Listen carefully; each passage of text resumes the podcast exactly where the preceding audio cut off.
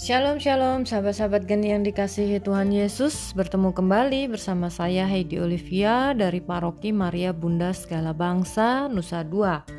Bacaan Injil hari ini dari Injil Markus bab 8 ayat 1 sampai 10 Perikop Yesus memberikan makan kepada 4000 orang di mana Yesus memanggil murid-muridnya dan berkata Hatiku tergerak oleh belas kasihan kepada orang banyak ini sudah tiga hari mereka mengikuti aku dan mereka tidak mempunyai makanan.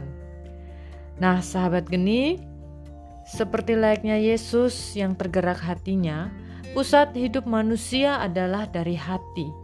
Suara hati merupakan kesadaran yang membuat kita tergerak akan sesuatu, Entah itu tergerak untuk melakukan sesuatu yang jahat atau sesuatu yang positif, tergantung bagaimana kita sebagai seorang Kristiani mengasah hati nurani kita masing-masing. Mata kita bisa melihat, telinga kita juga bisa mendengar segala sesuatu. Bahkan otak kita pun berpikir saat kita melihat atau mendengar sesuatu yang salah atau benar, saat kita melihat ada orang yang butuh ditolong tetapi jika kita tidak tergerak oleh belas kasihan yang muncul dari hati, kecenderungan yang kita lakukan sebagai manusia adalah apa? Pura-pura tidak tahu, pura-pura tidak melihat, pura-pura tidak mendengar, atau bahkan memilih lari dari permasalahan yang ada. Nah, kita sebagai seorang Kristen yang extraordinary karena kita mengerti firman Tuhan, seharusnya memiliki tindakan yang extraordinary pula dari kebanyakan orang-orang yang belum tahu Tuhan. Lalu permasalahannya, mengapa terkadang orang yang sudah tahu akan firman Tuhan, sudah mengenal Yesus, masih saja bertindak negatif sama seperti kebanyakan orang? Atau bahkan ikut-ikutan kehilangan pengharapan, khususnya saat pandemi ini, seperti kebanyakan orang yang mereka tidak mengenal Yesus, tidak mengenal firman Yesus. Bisa jadi, ketika kita mengalami hal yang seperti ini, kita mungkin lamban memahami siapa Yesus seperti murid-murid Yesus hari ini. Bahkan dari keempat Injil sinoptik tercatat, para murid itu sudah mengalami begitu banyak mujizat. Tetapi dalam bacaan hari ini pun mereka cenderung menjadi ragu apakah Yesus sanggup memberi makanan untuk rombongan besar lainnya.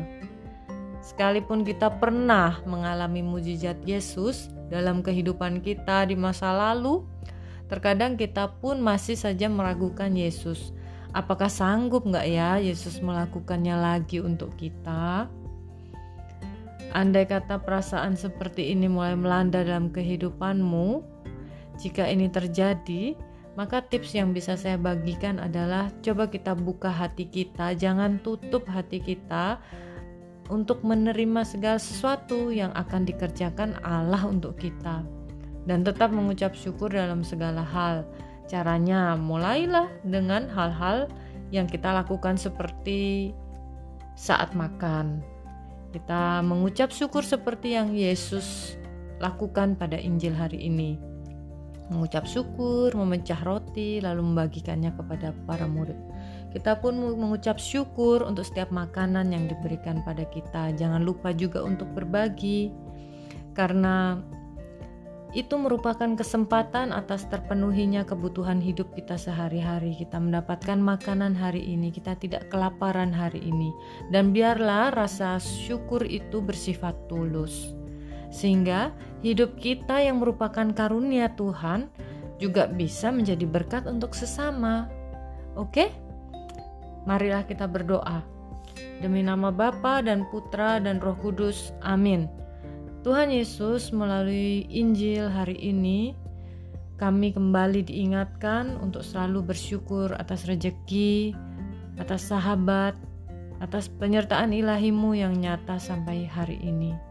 Kami mohon bersama Roh Kudus, kami mohon Roh Kudus untuk menerangi hati dan pikiran kami. Bantulah kami untuk bisa menjadi perpanjangan tanganmu untuk menolong sesama kami. Demi Kristus, Tuhan dan pengantara kami.